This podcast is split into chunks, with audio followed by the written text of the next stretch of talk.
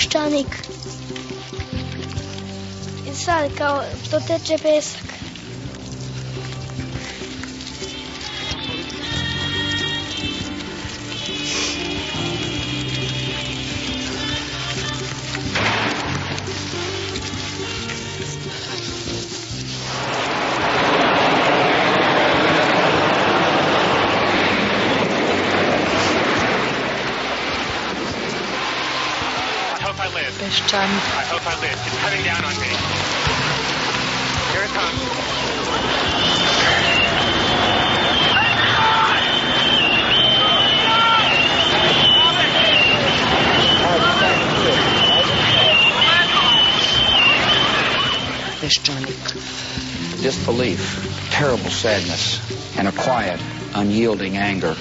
Even though I walk through the valley of the shadow of death, I fear no evil, for you are with me.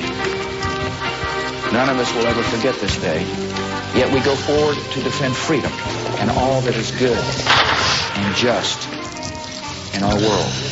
Good night, and God bless America.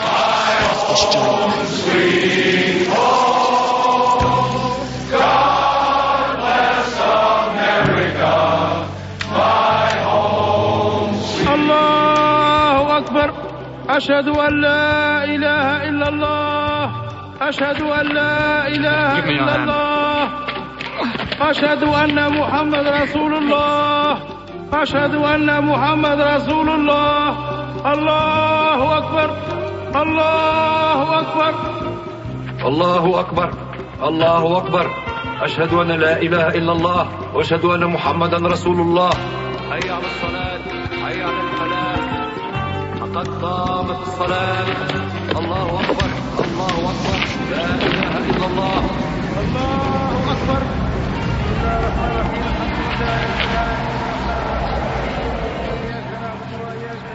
Let me tell you about winds. There is a, a whirlwind from southern Morocco, the Ajej, against which the Falahim defend themselves with knives. And there is a, the Harmatan, a red wind, which mariners call the Sea of Darkness. And there is a, a wind, the Simoon, which a nation that thought was so evil, they declared war on it and marched out against it in a full battle dress.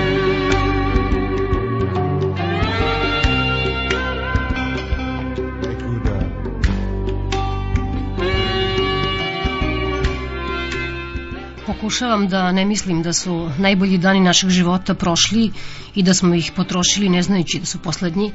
Pokušavam da ne mislim na Zorana Đinđića, da se osjećam sa ljudima u Bagdadu, da prizovim slike miliona Iračana pod zemljom kako osluškuju, čekaju majku svih bombi, neki već živi zatrpani i mole se Allahu. A sa granica im se približava tamna senka i ako prežive tu bitku za Bagdad, to nije bitka iz koje se vraćaš ovenčan cvećem u sunčano jutro uz mahanje dece i mladih žena. Nema nikog ko to gleda i nikog da te pohvali. Muslimanski raj, džana ili dženet je za razliku od našeg čulan, sav u bojama, beduini se tamo u oazama izležavaju pod drvećem kraj potoka sveže vode, vina i meda, a služe ih sjajno oke devojke. Đinđiću bi se dopao ovakav pristup stvarima. Sećate li se kako se je pravio blesav u noći hapšenja Miloševića i tvrdio da sa sinom gleda film Gladijator? Nisam film gledao, ali mora da je u njemu neko izgovorio gladijatorski pozdrav, Ave Cezare, pozdravljujte oni koji će umreti.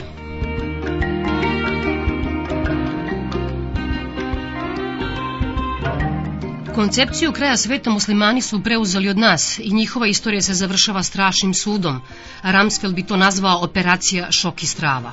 Po Kuranu, u scenama konačnog meteža, negde na granici Iraka i Sirije, pojavljuje se đavo, šeitan, a onda ga ubija niko drugi do naš Isus.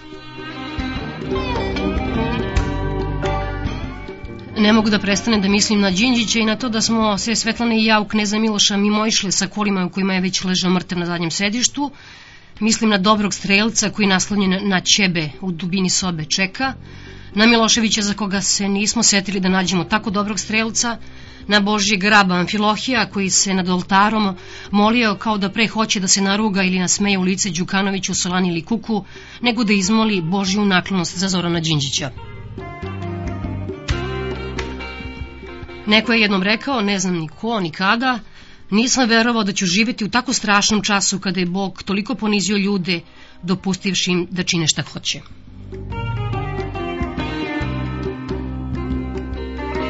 Za ovu emisiju, prvu posle ubistva Zorana Đinđića, zvali smo samo ljude koje volimo, da se sasvim neprofesionalno uzemno tešimo. U današnjem peščaniku govorit će Nenad Prokić, Borka Pavićević i Teofil Pančić. Najpre Nenad Prokić.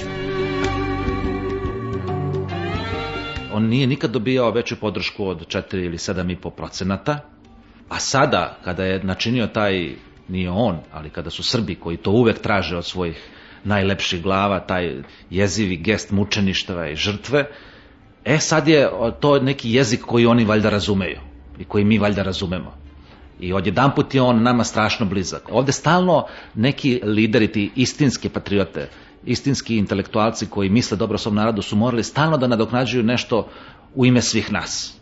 Mi smo svi bili malo sposobni da skočimo, onda su oni skakali mnogo više nego što sami mogu i u tome su goreli. To se direktno dogodilo sa Zoranom Đinđićem, on je mogao da napravi karijeru bilo gde u svetu, uspešnu, sjajnu, briljantnu, znači on je ostao ovde i sad je to negde ovaj narod shvatio. I video je šta je izgubio, naravno kasno kao i sve ostalo.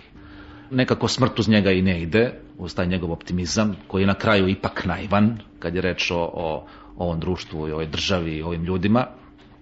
Čitav taj njegov napor, on toliko inteligentan i pametan na kraju ispao naivan, jer je nemoguće odjedan put pobediti toliko nagomilanih problema i tom brzinom. On kao zaista, za mene, on bio neki space shuttle. On je kao TGV, onaj francuski voz bio u odnosu na sve što se kretalo uopšte u ovoj, u ovoj Srbiji, a malo toga se šta kretalo. Jesi išao na sakrame? Jesi... Jesam, jesam. I bio sam negde srećan zbog njega. Zbog njegovog dela koje će ostati sjajno i blistavo, jer je toliko različito od dela drugih političara u ovim prostorima, ko zna koliko stoleća unazad. Jer je divno kada u jednoj sudbini jednog čoveka nema veće sreće nego kad u svom životu, u svom zrelom dobu, u svojim stvaralačkim godinama otkrije svoj životni zadatak. I on je bio jedan od tih redkih koji je otkrio svoj životni zadatak u svojim najboljim godinama i žrtvovao svoje izvanredne kvalitete tom zadatku. On je sigurno znao zašto živi i, i to šta je on ovde pokrenuo uopšte, a ja sam veći skeptik od njega puno, ja sam stajao uvek na stanovištu da je ovde nemoguće bilo šta promeniti, jer je narod nekako nezahvalan. On je to uspeo. Sećate se da sam ja u vašim emisijama uvek govorio samo Đinđić, samo njegova opcija, samo Đinđić i uvek sam davao neku malu ogradu. Dobro, ima on svojih loših e, strana, pa ne znam ovo, pa ne znam ono, ali opet samo on, samo on. Sada me je malo sramota što sam imao te svoje otklone koji su možda imali svoj razlog zašto sam ih davao, jer su verovatno i postojali, ali u principu to je zaista malo prema onome šta je on u konstruktivnom smislu uradio za ovo kratko vreme. Ja mislim da bi sa nekim Koštunicom ili sa, sa nekim drugim liderom koji je trenutno na listi za, za glasanje u Srbiji, ceo ovaj posao trajao 10 godina što je on uradio za dve godine. I to nije preterivanje nikako.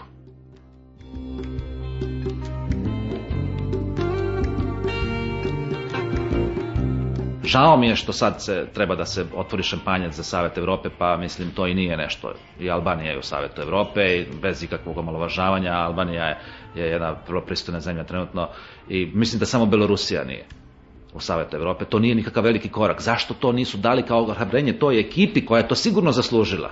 Ne, kao narod nismo. Drugo, ti pritisci su tu već i onako preveliku brzinu Đinđićevu za ovdašnje prilike još više ubrzavali s njihove strane i kao svaki space shuttle i ovo me pretila opasnost da eksplodira, što se upravo i dogodilo. Evropa bi nekako morala da shvati da je ovde zaista problem toliko bio veliki i toliko je on ovde je prosto narastao, ugojio se jedan kriminalno, klerikalno, postkomunističko, nacionalistički monstrum sa velikim brojem glava i sad te glave neće uvenuti i otpasti same. To mi moramo da uradimo. Neće to moći možda da pomogne neko sa strane, ali to neko mora ovde da uradi. I sad kad se neko žali na ovo vanredno stanje, ja ne mogu da se pridružim tome zbog toga što prvo ne osjećam na svojoj koži neku ograničenje slobode, s druge strane što e, ja živim u vanrednom stanju 13 godina, mislim to meni nije nikakva promena. Ali bar sada vidim ko ide u zatvor. I s druge strane, ako bi se ovo iskoristilo za obraču sa Turbo Folkom, tim pozadinskim ideologom svih tih pogrešnih teorija koje su pravljene u ovom društvu, to bi onda bilo zaista sjajno. Ja sam ovih dana bio, vreme žalosti, bio lišen maltretiranja svih tih pevača po našim stanicama i, i radio i televizijskim i to je zaista jedno olakšanje. To je jedan očišćeni mentalni prostor u kome se lakše diše, u kome se mogu praviti plemenitije stvari. Ne znam da li su ti koji sada obožavaju odjedanput e, Zorana Đinđića nakon njegove pogibije, da li su u stanju da i taj jedan kopernikanski obrt naprave da se i toga liše, da prekinu pupčanu vrpcu sa orijentom, sa lošim aspektima azijatstva, da zaista glasaju za svoj sobstveni interes, da, da pitaju da li ja hoću da imam dobre banke, da li ja hoću da imam dobra pozorišta, da li hoću da imam dobar aerodrom ili hoću da imam dobre kriminalce koji će da rukovode time. I strašan je položaj ljudi koji 13 godina žive objašnjavajući Srbima šta je njima interes, a šta nije interes da nije interes praviti Radovara Karadžića i Mladića nacionalnim herojem, jer oni to nikako ne mogu biti ni po kojem osnovu, da nije nacionalni interes čutati o Srebrenici, najvećem pokolju nenaoruženih civila nakon drugog svjetskog rata, nego je naprotiv, zbog ozdravljenja društva, zbog istinskog patriotizma, neophodno da se s time obračunamo. Ako smo čutali kad je reč o kriminalu, videli smo do čega to dovodi. Taj monstrum samo se goji i raste. Mislim, jednog dana će zaista sve progutati. Svakom društvu ima kriminala, ali nisu u svakom društvu kriminalci najpopularniji ljudi. Pa gde to ima? I kako može da Ceca Ražnatović bude idol nekome? Pa njoj je možda u redu da ona bude idol, ali ovom društvu ne bi smelo da bude u redu da takav idol postoji. Da deca po školi pevaju njene pesme ili ne znam, bilo koji drugi. I Krleuša, nije mi ona ništa drugačija. Prema tome nije to model koji može da nas odvede bilo gde. To je njihova mera. Ja u njihovoj meri neću da živim. Ne mogu više.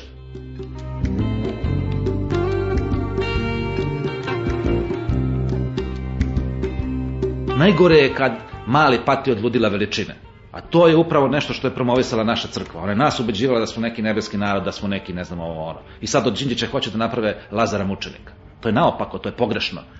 To nema veze sa Zoranom Đinđićem, nema veze sa suštinskim stvarima koje su potrebne za sreću jednog naroda. I staviti tog čoveka i gledati patrijarha kako mu sa strane asistira, čuteći, to meni govori mnogo više o stanju u crkvi, to nas koje vidimo još više udaljava od takve crkve, niti nemoj da gledaš šta ja radim, da slušaš šta ti govorim. To je poruka koju oni nama šalju sve ove godine. To nije dobra poruka za pastvu. Prema tome, mogao je tu da bude neki čovek koji je u većem dosluhu bio sa onim što je Đinđić radio. On je to svoje raskomadano srce morao na kraju, to njegovo srce moralo da podnese na kraju i tu sramotu tog ceremonijala koji njemu uopšte ne pripada. Ne pripada mu, kao pojavi mu ne pripada. Naprotiv, njemu stoji dobro to Armanio delo za koga su ovi svi govorili kako i ogovarali ga. Ne, nego će donosi beko i opanke. Šta će donosi jedan premijer? Hvala Bogu da imamo konačno jednoga koji zna da se obuče. Ali ako se taj pop, ako je on makar donekle postao svestan suštinskih stvari potrebnih da bi većina ljudi u ovom društvu bila srećna, onda je i to dobro da je izdržao. Đinđić, i ako je neko ko je to posmatrao, a vidim da ih ima, to primetio i uspostavio svoju distancu prema tome kritičku, I ako je to shvatio kao jednu poruku koja je nedostojna, neprilična, onda je to baš trebalo tako da se dogodi, jer će imati svoje pozitivne efekte. Ja bih se tu na Amfilohijevom mestu osjećao nepozvanim, da se pojavi, a ne da govori.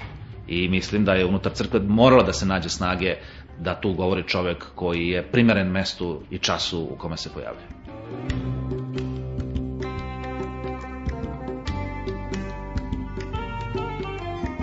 Pa nema nazad. Mislim, ako se stane, onda teško nama, svima. A to je sve, opet kažem, zato što nad ovim narodom široko i teško visi neka, neka neznana senka. I stalno sam mislio šta je to, a u stvari to je sobstvena senka. Nismo mi iznad svoje senke, nego je naša senka iznad nas. Mi smo nešto postavili potpuno naopako u, u fizici. Tako da smo mi natklinjeni svojom sobstvenom senkom. I zato nam je mrak. I to kad se skine jednoga dana, ja mislim da mora da dođe jedan put i taj dan. Krajnje je vreme da se okupimo oko nekog malog, bliskog cilja koji će zaista da učini da se ovde živi bolje, da bude čistije, da ljudi budu srećniji i to uopšte nije tako teško želeti, da ti bude bolje, a ne da ti bude gore. Stano se nešto, neko mirenje. Ja sam voleo Zorana Đinđića zbog toga što se nije mirio. Ovde su ili ljudi emigrirali ili su ostali ovde i mirili se sa stanjem. Pa dobro, ajde sad izabrali su Miloševića, pa dobro sad ajde ovo, pa dobro sad ajde ono. E, tako ne ide. Moraš da preuzmeš neku odgovornost, makar sam za sebe, ako ne nešto više. On je preuzeo za druge, pa evo. Gde si njegovu smrt ipak na kraju svih krajeva doživeo kao podsticaj, jer u stvari nije nam ostavljen drugi izbor. Pa nije. Opet iz neke iz neke nervoze što se odgovornost ovde posle 5. oktobra prebacivala na one koji su podmetnuli leđa, a ne on, na one koji su to sve zamesili. Ekipa koju on okupio u vladi, pa to je verovatno najbolja ekipa koju je Srbija ikad imala. Normalni ljudi, koji mogu i da zaplaču, koji mogu da budu i van sebe, ali koji svoj posao dobro rade.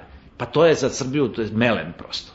Posle onoga Marjanovića kad ga vidim sa Patek Filip Satom i onako čiču u nekom kao, evo, njemu niko nije se setio da zameri što se Licka u, i, i odela oblači. Niko. To su baš našli Zoranu Đinđiću da, da, da zamere. Što ima belu ispeglanu košulju. Strašno je to što ja nekako negde mi stoji iza čela, a to je jedino što znam da mi sigurno stoji, jer ono što imamo iza čela je jedino što, čime raspolažemo u ovoj zemlji gde se sve preko noći gubi, a to je opet nekako jezivo i opet ima taj neki srpski mrak u sebi je to da je, pošto je znao kakvom opasnost preti, da je negde ukalkulisao i taj događaj i rekao je pa dobro, šta ću sada? Šta sada? Ajde da vidimo da li će to da osvesti. I koliko ja vidim, to jeste stravično da uopšte neko treba da se žrtvuje na takav način. Pogotovo ne neko ko je tako modern kao on. Ali to je očigledno stupnju kulture ovoga naroda bilo neophodno i mislim da će to biti tako jedan kopernikanski obrat. I to me drži u nekom optimizmu. Mislim da sad ljudi koji su jedan put shvatili koliki je to gubitak, kolika je to šansa bila oko koje se nisu bili okupili pravovremeno. Pa ja sam njemu jedan put rekao, pa ti si 4% postao premijer, pa to da su mene izabrali. Pa to nema, nisi imao nikakve šanse. A naprotiv imao, jer su njegove sposobnosti bile apsolutno najveće od svih koji su ovde se bavili politikom.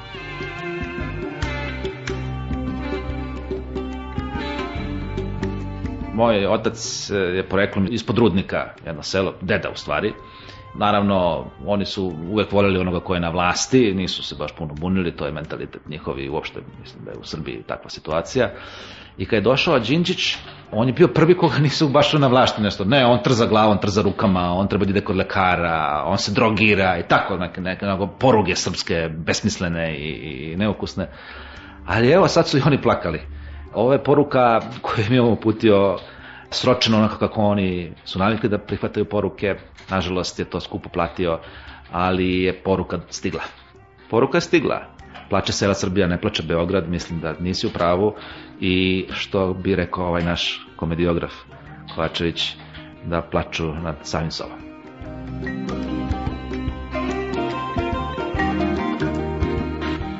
Znao gde živi, mnogo je bolje poznavao Srbe nego što su Srbi poznavali njega i nije hteo da odustane. Nije hteo da odustane i to se tako završilo, ali mene su razočarale izjave DSS-a, Koštunice, ne znam, mislim da su neukusne, neumesne, da su kilave, kao i sve što je do sada proisticalo iz neke, iz neke politike te stranke, ali bojim se sada te stare srpske nesreće, političke borbe koja će nastati, na došu sad je mnogo toga. Mislim da bi oni zaista morali da, da shvate konačno ozbiljnost situacije, ako nisu već to do smrti premijera. Zamislite šta bi bilo da nije isporučio Miloševića i Šešelja, to što su mu patriote toliko zamerali. Šta bi sad ovde bilo i kako bi se senka dodatna nadila nad nama. Mislim da povratka na staro nema. I mislim da ovih 700-800 uhapšenih ljudi, nadam se da dokazuje i pokazuje na neki način da to neće da se završi onako kako smo to do sada viđali i da ih sudije puštaju na neke učeničke fore koje su bile uvažavane od strane suda.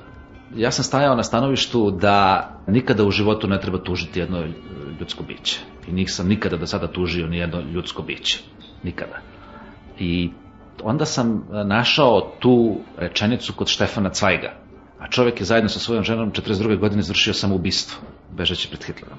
Da ja ne bih došao u situaciju Štefana Cvajga, ja bih voleo da se napravi ta čistka, jer sudeći prema mojem uvidu u to kako se sudilo, to ne valja ništa.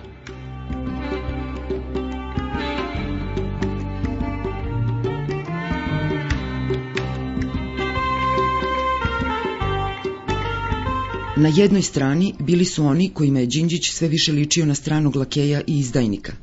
Na drugoj oni koji su mislili da je i on ipak nekakav srpski nacionalista koji samo blefira i gleda kako da se ratni zločinci nekažnjeno izvuku. Između nije bilo prolaza, a Đinđić je upravo to pokušao i bio je to pokušaj dostojan divljenja. Jer Srbiji nije ni preostalo ništa drugo nego da nastavi da na tom istom mestu traži prolaz koji za sada još nema. Deo tih zaverenika odgovornih za ubistvo premijera sigurno se nadao da će dobiti izvesnu političku podršku od Koštunice, sve dok on nije sišao sa predsjedničke funkcije. On je napravio užasnu grešku onda kada je izrazio razumevanje za pobunu crvenih beretki, iako sigurno nije želeo da stvari idu ovim putem. Greši i sada kada predlaže koncentracijonu vladu, jer to podrazumeva poziv svim strankama, a takva saradnja nemoguća je iz razloga krupnijih od političkih. Naime, radikali su složno bojkotovali komemoraciju u Skupštini Srbije, čime su nesumljivo izrazili svoje slaganje s ubistvom premijera, što je samo po sebi monstruozno.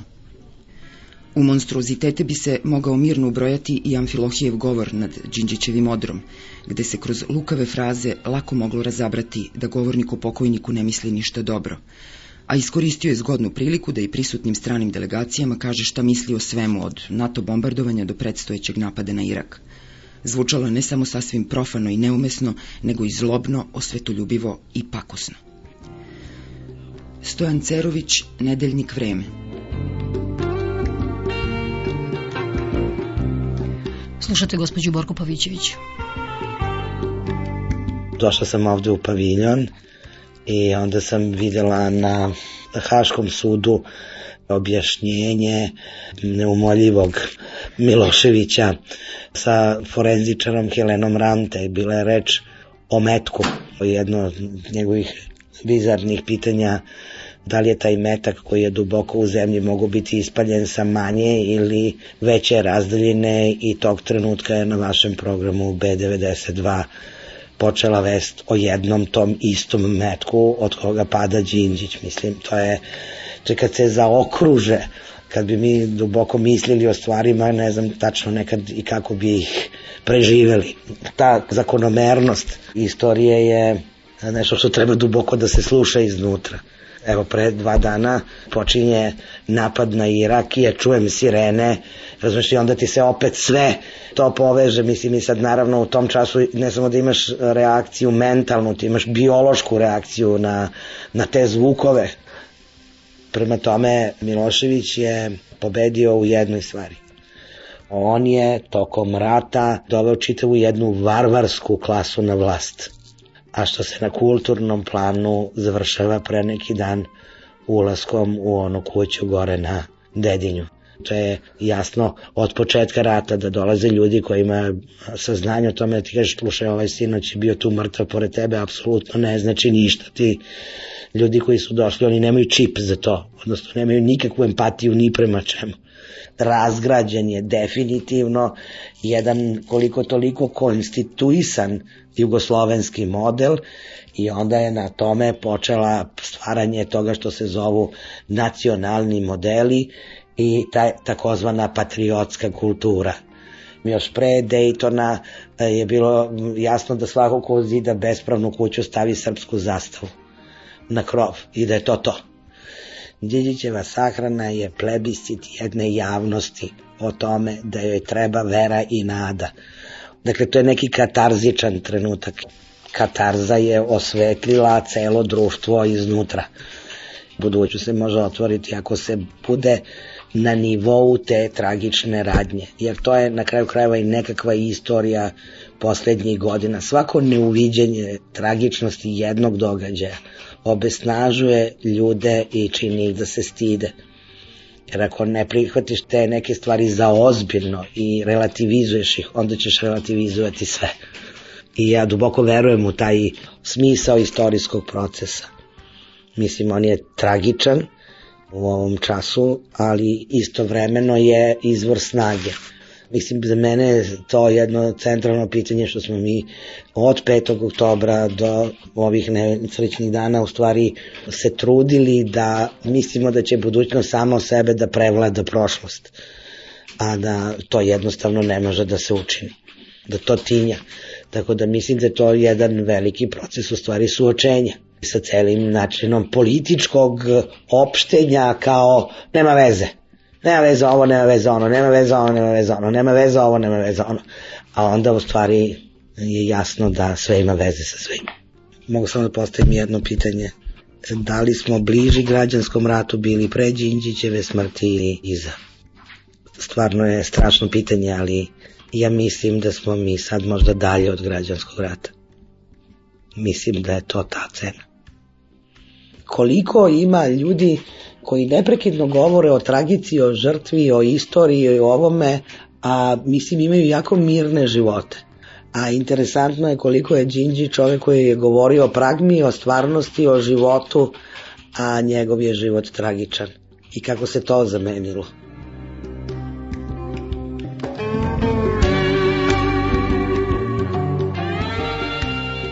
Bili smo ovde, onda smo otišli da odnesemo cveće dole pred dole na mesto i prvo mi je bilo to što čovek ima dvoje male dece i to je strašno, mislim, to je i političko ubistvo i ubistvo predsednika je stvarno strašna stvar, to je razvorno, ali prvo mi je bilo njega užasno žao, lično i njegove kuće.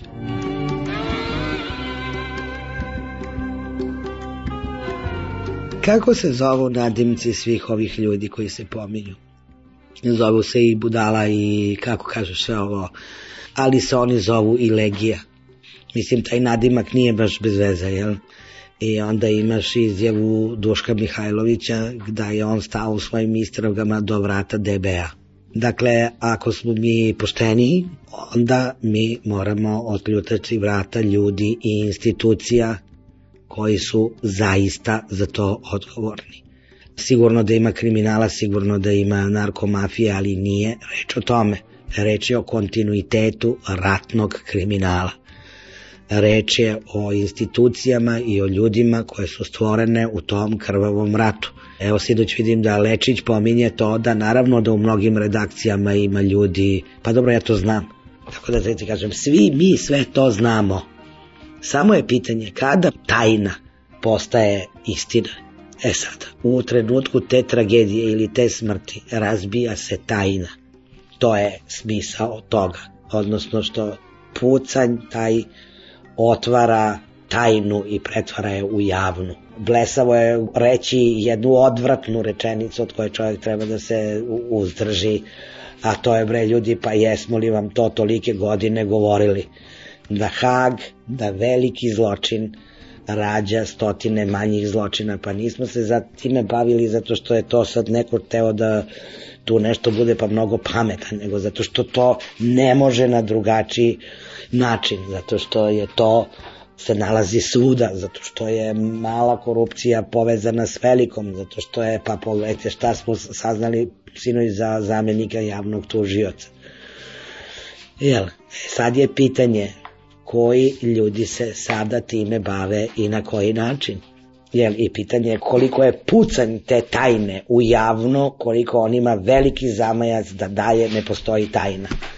Mudrost je ili hrabrost je udariti uvek tamo gde je najčvršće. I nemojmo se mnogo baviti onim stvarima koje silaze sa istorijske scene. Ovim. Da vidimo šta ostaje na istorijskoj sceni. Nije vid sad recimo da baš napišem neki tekst o cecima, da je to strašno zanimljivo kao ovaj, kulturološka analiza, ali je ipak smislo toga da vidimo šta stoji iza toga, jel? Ako si čovek, onda taj da imenuješ onog gde te najviše košta, da to imenuješ, a ne da se uključiš u opšte raspoloženje. Mislim da po tome treba ceniti javne gestove. To jednostavno nije privilegija. To je jedan strašan, ozbiljan posao. Bavljenje politikom je pogotovo u ovim e, uslovima pitanje ako hoćeš i jedne askeze i da je to strašan posao, a ne nikako vršenje vlasti. Eto, to smo sad sve videli.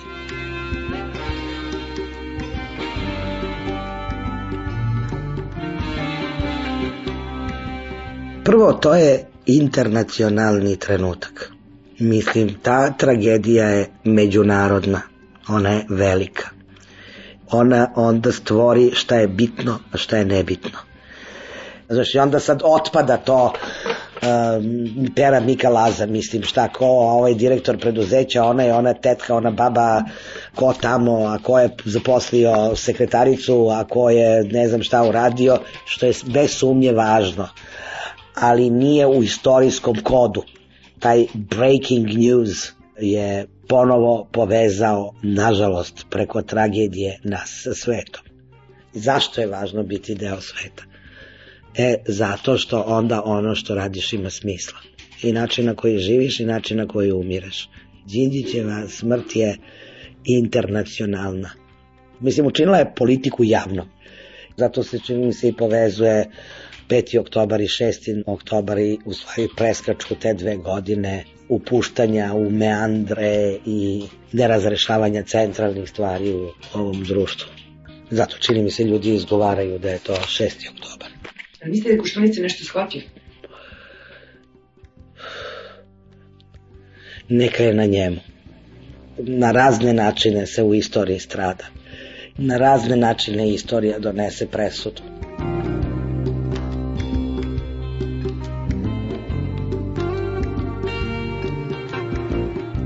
Nije Zorana ubio nikakav zemunski klan, jer takva terminologija sugeriše da je premijer bio kriminalac. Taj organizovani kriminal je organizovani deo Miloševićeve policije i vojske. Ti koji ubijaju imaju visoke pukovničke i generalske činove i dobili su ih zato što su ubijali. Znamo ko je ubio Slavka Ćuruviju, Ivana Stambolića i sada Zorana Đinđića. Bivši i sadašnji službenici koji nisu razjureni i pohapšeni. Ista ta službenička fela, taj kordon smrti, štiti mladića i šljivančanina. Srbija ne sme u sebi da krije takve tajne. Vanredno stanje ne treba ukinuti dok se zločinci ne zatru. Vesna Pešić, list danas pod naslovom Smrt na domaku srpskog sna.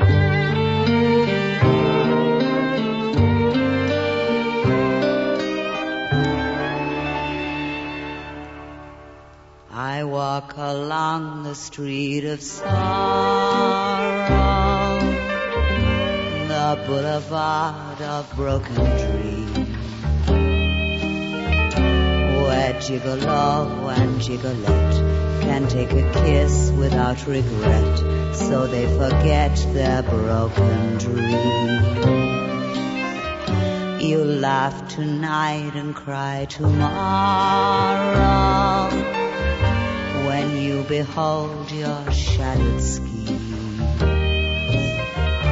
And gigolo oh, and gigolette wake up to find their eyes are wet with tears that tell of broken dreams. Here is where you'll always find me, always walking up and down but I left my soul behind me in an old cathedral town. The joy that you find here you borrow. You cannot keep it long, it seems. But gigolo and gigolette still sing a song and dance along the boulevard of broken dreams. Da, da, da.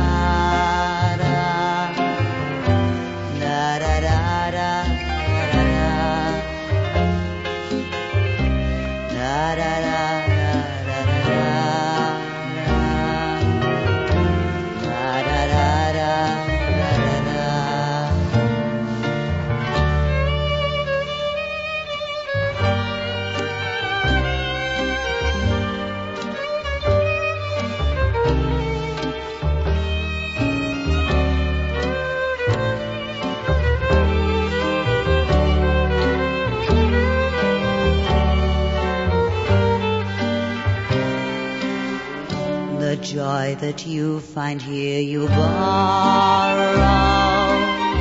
You cannot keep it long, it seems. But Gigolo and Gigolette still sing a song and dance along the boulevard of broken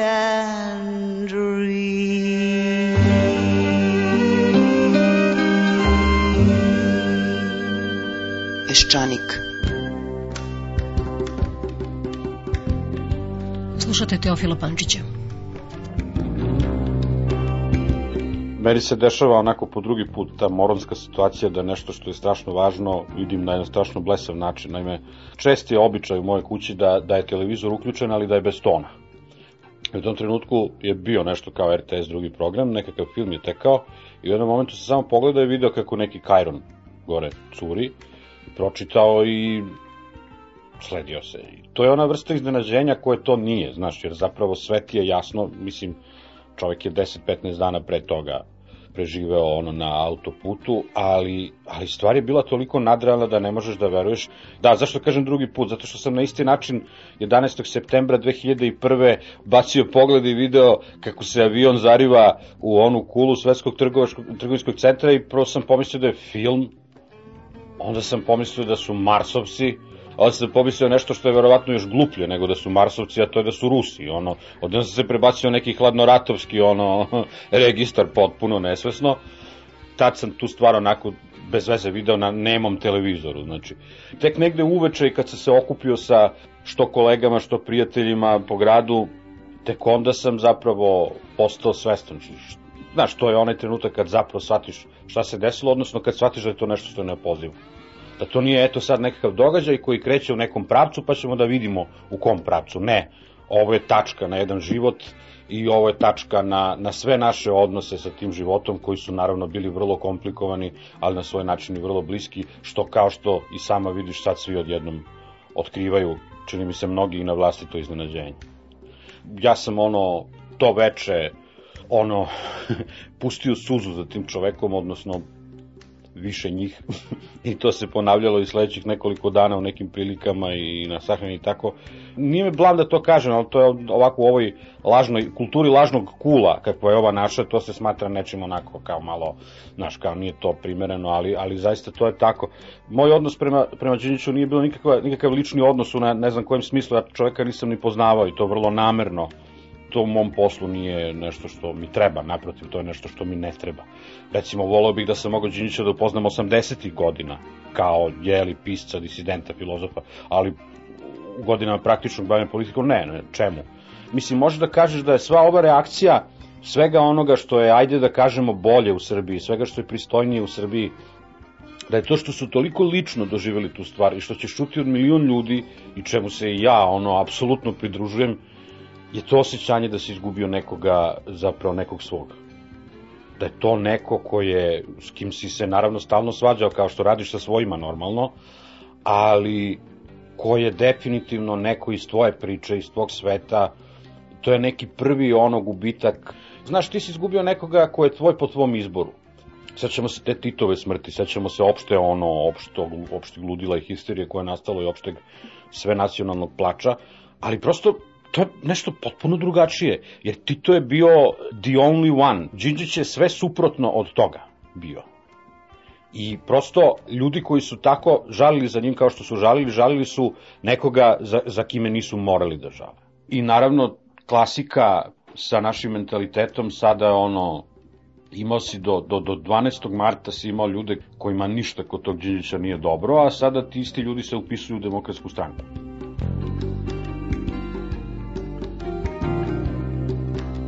To je ono osjećanje neopozivosti. To je ono osjećanje nepopravljivosti.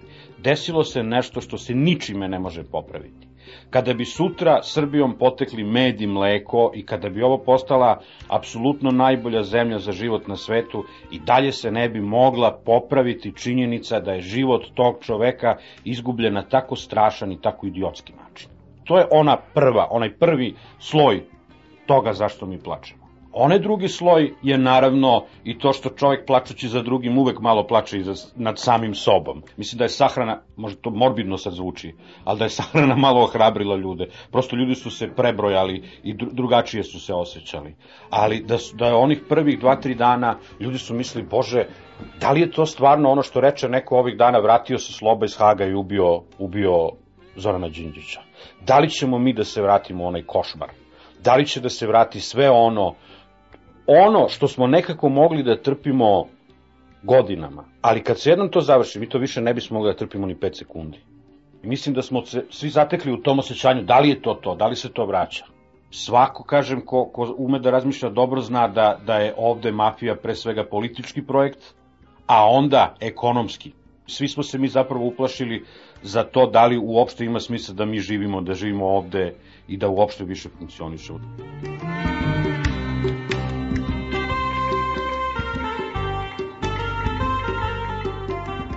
Nismo bili gore pred hramom, čekali smo da pogrebna povorka se spusti do Slavije i onda smo se naravno tu uključili u povorku i išli do, do groblja i onda, pošto je tamo bila ogromna masa, zapravo većina, većina ljudi iz mog društva je tu negde i odustala i, i krenula kući, a ja, moj prijatelj i ja smo se nekako probili kroz onu kroz ona vrata i otišli na samo groblje i prosto to ne, ne znam, ni sam, uopšte mi nije jasno zašto sam to radio, ali kao neki dug, ono, nečemu, nekome. E, I posle kada se sama ceremonija završila, onda smo, onda, onda je došla policija i razmakla e, tu grupu građana u špalir, tako da smo mi onako u nekakvom špaliru gledali sve ove zvaničnike kako prolaze i bilo je strašno zanimljivo slušati komentare a vidi, evo ovaj, evo onaj, pa bi onda nešto rekli. Jedino kada su Koštunica i Maršićanin prolazili, bila je apsolutna tišina. Ali meni taj komentar bio onako najupečetljiviji od svih.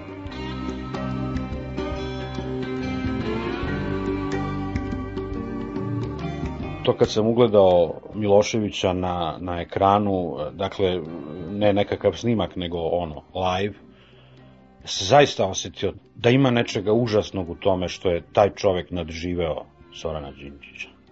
Da ima nečega toliko duboko pogrešnog i duboko užasnog u tome da je Zoran Đinđić mrtav, a da ta kreatura sedi tamo, vrpolji se na onoj stolici i izbacuje iz usta svoje razne nusprodukte.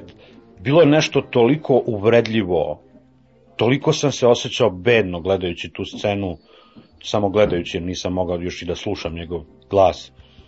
Ne znam, to je bilo strašno. Zaista kažem, nije hrišćanski to reći. Ne znači da ja njemu želim ovo ili ono. Ja naprosto kažem da sam se tako u tom trenutku osjećao. I verujem da nisam bio jedin. Kao da nadživio sve nas. Kao... Da. Činilo mi se sve ove godine od kad je Sloba u Hagu da, da je neka pravda, da je neki račun ispostavljen njemu. Sad više ne znam da li je njemu ispostavljen neki račun. Sad mi se, kako god okreneš, on jako, jako jeftino prolazi.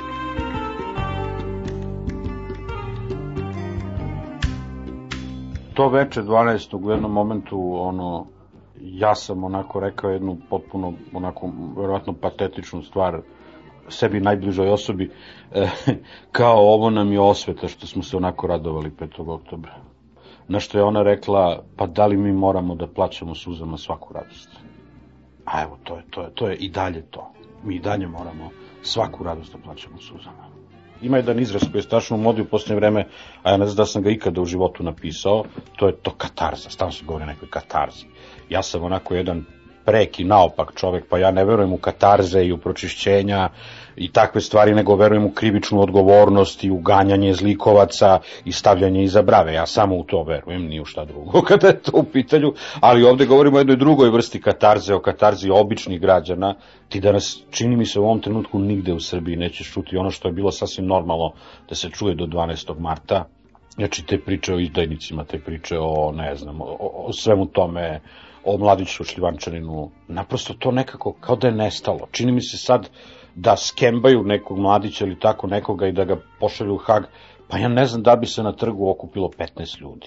Mislim, toko je to nekako postalo izduvano. Jer oni koji su gajili toliko pretenciozan mit žrtve, zapravo su potpuno taj njihov mit je obesmišljen, jer eto, nažalost, čak i žrtva je na drugoj strani. čak i žrtva je zapravo negde drugde, a ne tamo gde, gde oni prikazuju. I to je ono što mi se čini kao neka, neka naša jadna vajda od svega ovoga, znači ja ne znam da li će to da potraje, da li će ljudi da se možda kad se malo ohlade, da li će ljudi možda da se vrate svojim starim lošim običajima, ali ovako u ovom trenutku mi to nekako tako izgleda. Kao da se taj svet nešto upristojio, kao da je nekako počeo stvari ozbiljno da shvata. Sad ja treba da dođem u situaciju da budem neko ko podržava neko varedno stanje. Da mi je to neko rekao pre par godina, ja bih rekao, pa čoveče, mislim, to je, svako varedno stanje je nešto što je po definiciji suprotno svemu onome za što se ja zalažem. E sad ja dolazim u tu situaciju da ja treba to da podržim i da ja čak i hoću to da podržim. I ne mislim da mene kao građanina i mene kao novinara varedno stanje obavezuje da ja čutim o tome da neko pravi svinjarije u moje ime. Ne može, to neću da dozvolim. Može neko da me učutka, da me spreči, ali ja sam sebe da učutkam i da autocenzurišem, mislim to svakako neću.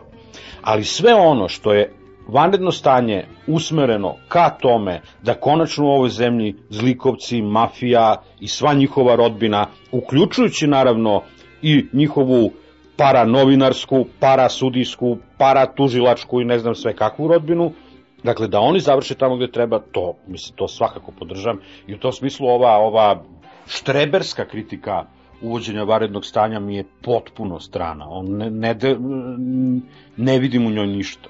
Tu se slažem sa, sa Mišom Ramačom koji je napisao u danasu da varedno stanje u ovoj zemlji traje od osam sedmice. Onaj ko je sad primetio varedno stanje, mislim, taj nije ni sad morao ništa da primeti.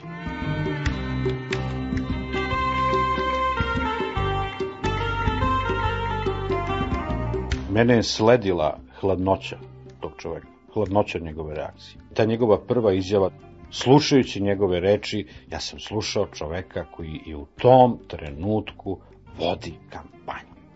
Celo to njegovo neko odsustvo javno, sve do subote, je bilo toliko upadljivo, njega nigde nije bilo. Sreda, četvrtak, petak, nešto strašno je bilo u tome. Ja ne znam šta sam ja konkretno očekivao od tog čoveka. Ja u principu ništa ne očekujem od Vojislava Koštunice. Bilo je nečega užasno pogrešnog u tom potpunom, znakovitom odsustvu. E onda kada su se, znači, to stvari slegle i kada smo krenuli na ono što se zove politika u doslovnijem smislu reči, onda je, znači, krenula ta Koštuničina priča o koncentracijonoj vladi. Njega su, tog Zorana Đinđića, ubili Slobodan Milošević, Vojislav Šešelj i mrtvi Arkan. U političkom smislu reči, oni su ga ubili. To je njihova osveta. I ti imaš čoveka koji je simbol petooktobarske demokratije, je tako, koji se zove Vojislav Koštunica, koji nama kaže ovo. Ljudi, nesreća je, daj da se vadimo iz nje tako što ćemo Slobodana Miloševića, Vojislava Šešelja i mrtvog Arkana preko njihovih ovlašćenih zemaljskih predstavnika da uključimo u vlast koja treba ovu zemlju da vadi iz govana. To je njegova poruka. To je ono što je mene potpuno užasnulo, da on te ljude gleda kao tako nekakve regularne političke igrače. Ja mislim da oni nisu nikakvi regularni politički igrači od prvog trenutka kada je zapucala prva puška tamo negde u Slavoniji ili, ili u Lici, a kamoli da su politički, regularni politički igrači u martu 2003. godine u Srbiji. On je sebe čovek locirao da je on na onoj drugoj strani od svega onoga za što se ta neka Srbija ta neka Srbija u nekom potpuno metastranačkom smislu koja se okupila tamo na Novom groblju, ono što ta Srbija, za što se ona zalaže da je on definitivno, da on nije neko ko je onako malo po strani, naš kao neki čudni rođak, ono, ali u principu deo familije. Ne, on, on je čovek definitivno tamo, tamo negde drugde. Nikad više. Ništa sa njim.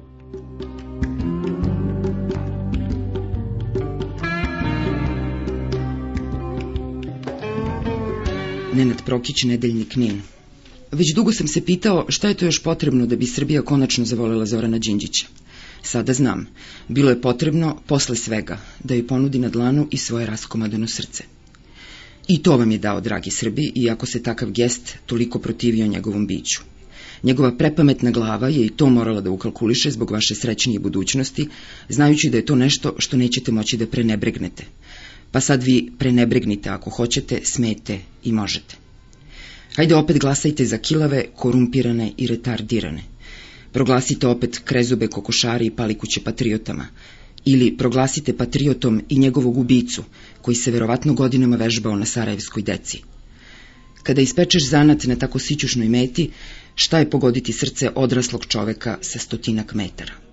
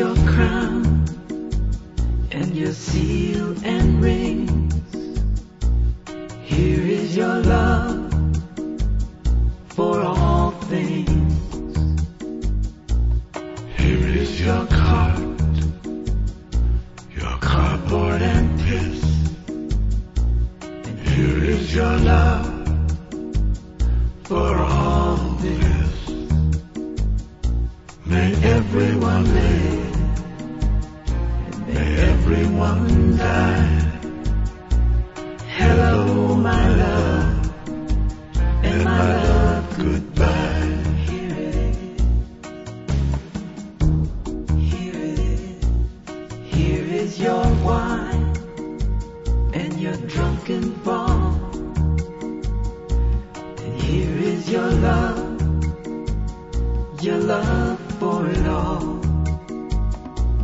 Here is your sickness, your bed and your pain. Here is your love for the woman, the man. May everyone live, may everyone die.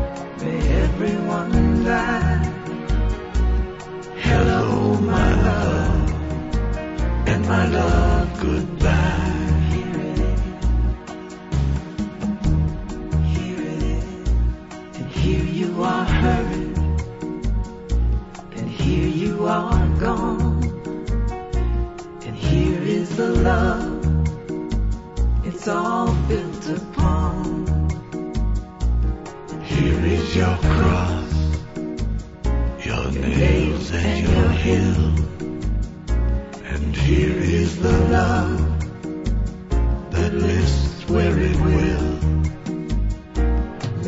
everyone live. And may everyone die. Hello, my love. And my love, goodbye.